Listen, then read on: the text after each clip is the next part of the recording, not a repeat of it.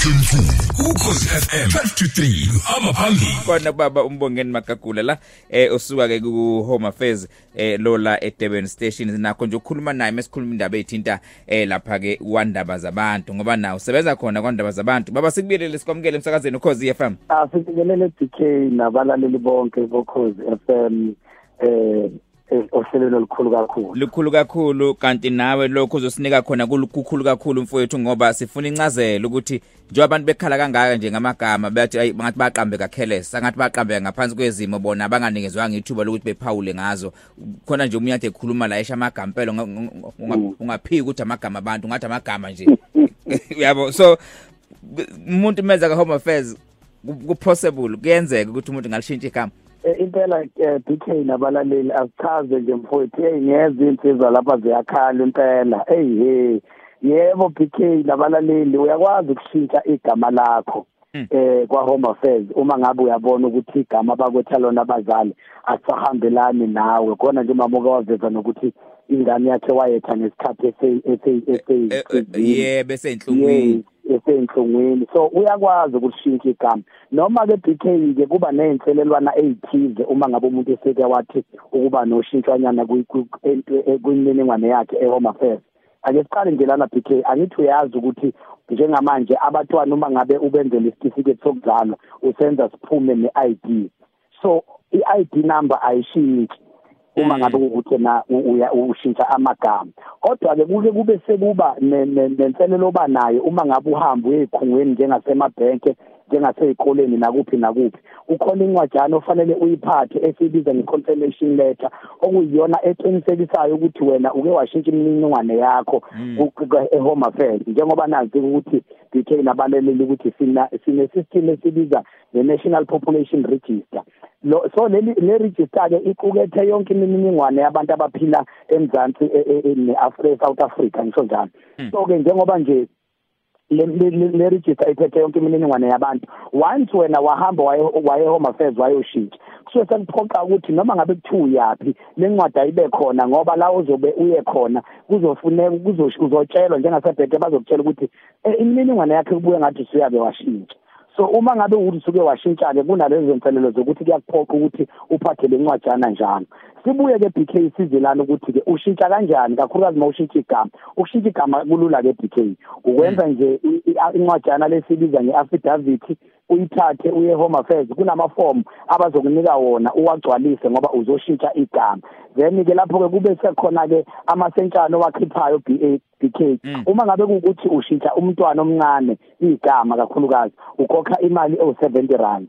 Kodwa uma ngabe uzoshintsha umuntu osemdala BK igama ukhokha imali ewu140 lokhu sikhuluma ngokushintsha kwegama BK hayi ngokushintsha kwesibongo ngoba fanele sikwazi ukuhlukanisa ukushintsha kwegama nokushintsha kwesibongo. Ukushintsha kwegama BK kulula akudingi imininingwane etheni udinga nje affidavit esho ukuthi wena ufuna ukushintsha igama lakho usufuna ukubiza liphi igama. Then bese kuba ke BK ukuthi ke kuzodinga ukuthi ke oshintshweni lakho lenzile kwi National Population Register sike sibe ke lento esibiza ngokuthi ke igazette. Igazette ke kuba la khona okushiwo okuyinto eziqinisekiso eziqinisekiso sokuthi ngempela kukhona ushintsho olube khona emininingwaneni yakho. Leyo mininingwane yakho ke kumele kube ukuthi ngoba sinomthetho osigayidayo nathi esibiza nge-birth and registration act of 51 51 ka1992 lo mthetho lo niwona odila na lemininingwane yokuzalwa komuntu. Uma ngabe soke kwenzeka ke kwaba nokuthi ushintsho khona ushintsho lenziwe kufanele lo shintsho lube semthethweni. Lugazethwe samuwe ukuthi ngempela khona ushintsho owalenza BK eish no ngiyayizwa and icacile ngoba usuthinta izinto eziningi bethi ngizobuza ukuthi khona yini imali nokuthi kuthatha isikhathi singakanani nezinto umuntu ayidingayo usukhulumile ngabo affidavit njalo njalo. Kodwa mawukhuluma usuthinta nesibongo ezifa umuntu engakwazi ukushintsha isibongo ngisengakwazi ukushintsha kuba kamchuni kuba kamagagula. Eh BK ake ngichazeke lena yokushintsha kwesibongo ngoba BK into yokushintsha kwesibongo ibicayanyana ake sithathe njengomntwana omncane mawumshintsha uyazi ke nawe khona abantu abashintsha izibongo ngezizathu ezithize zokufuna ukuthi bahlomule endaweni ezithize lana ke uma ngabe uzoshintsha umntwana kakhulukazi osemncane ake ngibeke isibonelo. Sisuke sizobudinga ubufakazi kwesinye isikhathi obukuthi ingane ngempela njengoba ushintsha isibongo eyakho na? Noma yala ufuna ukuyishintsha ibe khona. Ngike ngibone kumama abaningi ethola ukuthi seze home affairs ubaba wengane akamfaka ngalesi sikhathi eregister ingane usefuna ukuzomshintsha ingane isibongo ubaba ngoba nakhe ngasekho ngoba nakho mhlawumbe sefuna ukuthola engxenyeni ethize mhlawumbe yefa likababa lezo zinto njengalezo ko BK izona izinto ezike um, umnyango wethu uyibheke kakhulu ngoba sihamba size sifune ngisho into esibiza ngolibofuzo iDNA la khona sisuke sifuna uqinisekisa ngempela ukuthi lokhu kushintsha kwesibongo ngempela okusemthethweni njengoba ushintsha isibongo noma mhlawumbe kuzinhloso zakho nje zokufuna ukwenza mhlawumbe ukukhohlakala okuthize. Emfaneni ke BK sifuna iqiniseko ngempela sokuthi ngoba umntwana akakabi nalilungelo lokuyikhulumela ukhulunyelwa umzali. Sike siqinisekise ukuthi ngempela lolu shintsho luyilona ngempela. Kuke kuze kube ngcono ubaba mayisekhona ngoba nobaba uyasayina amafomu athize sho ukuthi ngempela ingane eyami. So ingakho sike sithi BK siyakhuthaza komama mayorejista ingane noma ingeze kubiza isibongo sika baba kodwa kamfaka ubaba ezubaba ukwenzele mhla ingane sifuna ukushintsha kungabi nemdanti ethize. Umuntu omdala ke BK ofuna ukushintsha isibongo akithi lo muntu usuke ID nayo and njengoba esuke senayo ID nama fingerprints akhe asuke khona kwi system yethu ku National Population Register so la sike sidingeke uhlobo le affidavit oluzochaza ukuthi wena ufuna ukushintsha isibongo ngezakhe eziwukuthi nokuthi nokuthi bese ke umuntu wakulesi sibongo ufuna ukuya kuso naye enze affidavit ekugunyazayo ukuthi ngempela siyamgunyaza uBK ukuthi aka aka akashika isibongo yekwamagagula ukwenzela ukuthi namhla kuba khona inkinga ngalolu ngalokho kushintsha kwakho kwesibongo kube khona phela umuntu okuyokwazi ukuthi wakunika igunya nemvumo kwesinye isikhathi ke BK kuye kwenzeka nakuyena umuntu omdala ukuthi ukuthi iDNA iyadingeka. Mhlawumbe ngendlela ukuthi afike achaza ngayo ukuthi ake sithi nje umuntu uzothi ayi ngifuna ukushintsha isibongo ngenxa yezenkolo. Mm. Awukwazi ukushintsha isibongo ngenxa yezenkolo ngoba asinawo umtheshwana okuvumelayo ukuthi shintsha ngenxa yezenkolo yabona? Kodwa mm. ngaphandle makuthi khona into mhlawumbe esuka enkantolo esho ukuthi cha ngenxa yemtheshwana enje enje unelungelo. Kodwa ke sike sibheke ukuthi ushintsho lakho lenzayo ulenza ngokusemthethweni noma ulenza ngoba mhlawumbe ufuna ukwenza izinto mhlawumbe ezokukhohlakala BK ya ne?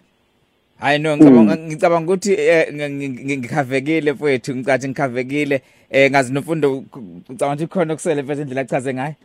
Hayi ngathi uyithinte yonke eh, ngoba isikhathi BK sokulinda. Isikhathi sokulinda BK asikhambe kancane lesikhathi sokulinda ngoba bayagijima abaningi. Uthola ukuthi umuntu wenze nje sekuphela inyanga yodwa usezobheka. Lolu shintsho BK alwenzeki ngokusheshsha sithi ngelinda emva kwenyanga ezisithupha kuya ngaphezulu ngoba suke sazobheka ama bed record akho njengoba ufuna ukwenza ushintsho. Oh kuyalindwa ke into evele yenzeke nje overnight. Akuyona BK into eyenzeka nje namhlanje kusasa uvuka usushintshile ngoba ziningi izinto esifanele siyibheke uma ngabe wenza lolu shintsho. Fanele siyobheka ama bed records ukuthi ubani uyile naye nokwenzela certificate. Okay. Ayikho yini into othinteka kuyo mhlawumbe engenza isifake idepartment ebungozini ngokushintsha kwakho. Mfethu eh siyabonga kodwa sizwile kuthiwa lapha eofisini lenu eh lapha ke emngeni ngathi ninenkinga eh eh yabantu abangalandile ama passport nama IDs eh angathi senihlela ukuthi impela nivule nangama weekend eh BK angibonge nje lelo thuba BK sifuna ukumemezela emphakathini wakithi especially owenze ama ID nama passport lapha eofisini leTeltemgate eh sithi ke ngole ngomgcibelo lo siya kuwo BK sizobe sivulile. For bonke abantu abashaya ama ID khona abazo collect kodwa eofisini lasemngeni kuphela umgcibelo nangesonto sizobe sivumlile sizovula nje kusuka ngenye ekseni ngo8 kuze kuyoshaya u4 ngomgcibelo bese kuthi ngo ngesonto sizovula kuze kushaye u3 ngesonto. Kodwa abazolanda kuphela BK ngoba kulezi insuku sinabantu abaningi abazolanda abajikiswayo. Sesiwathulile ama complaint ukuthi abantu bajikiswa. Uprovincial manager kuba bunqwabe loqalile njengamanje ukulead iprovince ucela ukuthi sivule emngeni kuleli sonto ukuze sikwazi ukusiza labo bantu labo abangaka collect ama ID yabo so 19 nangomhla ka20 kuFebruary? Kunjalo kunjalo kuzobe kuvuliwe nje BK sisiza labo bantu abanama ID yabo asemngeni kuphela. Sisazoya nakwamanye ama office kodwa manje sisathe emngeni ngoba lo office elithwala umthamo omkhulu BK alright wena uphethe kwandaba zabantu ka home affairs mina ngiphethe kwandaba zabantu la ohlelweni kanje nawe. Ngicela BK kunjalo mfethu. Mfethu siyabonga kakhulu isikhathi sakho. Eh akazi wena la igama lishintsha nini ubongeni hayi ngizothi khona insizwa yasekhaya nje ufuna ukulishintsha lapho uvukani. Manje angazi ufuna ukuyibiza ngobani. Sazozama nami ukubona ukuthi litho engizoyibiza lona. Ngizothi kodwa undoda akayibuzwa. Bana ubongeni njengomuntu osebenza nje ka home affairs and u- u- ubona namagama amaningi likhona nje igama olikhumbulawa walibona nawe wathi mawulibona hayi wanikela ikhanda wathi "Hayi, leli gama leli. Eh zamakhona khona nokho nokhomba insizwa. Nodele node nodelelelani eh ngangalibona nje impela ethi delelelani mawuthi uyabheka we BK uvela uthi ukuthi kodwa babethini impela.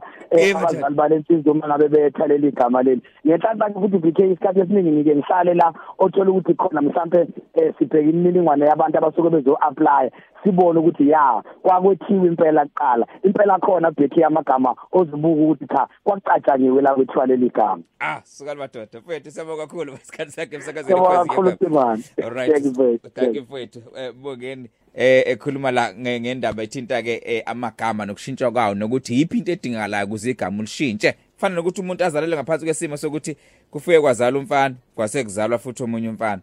Bese bethi umfana futhi. Bengesingisi bethi boy again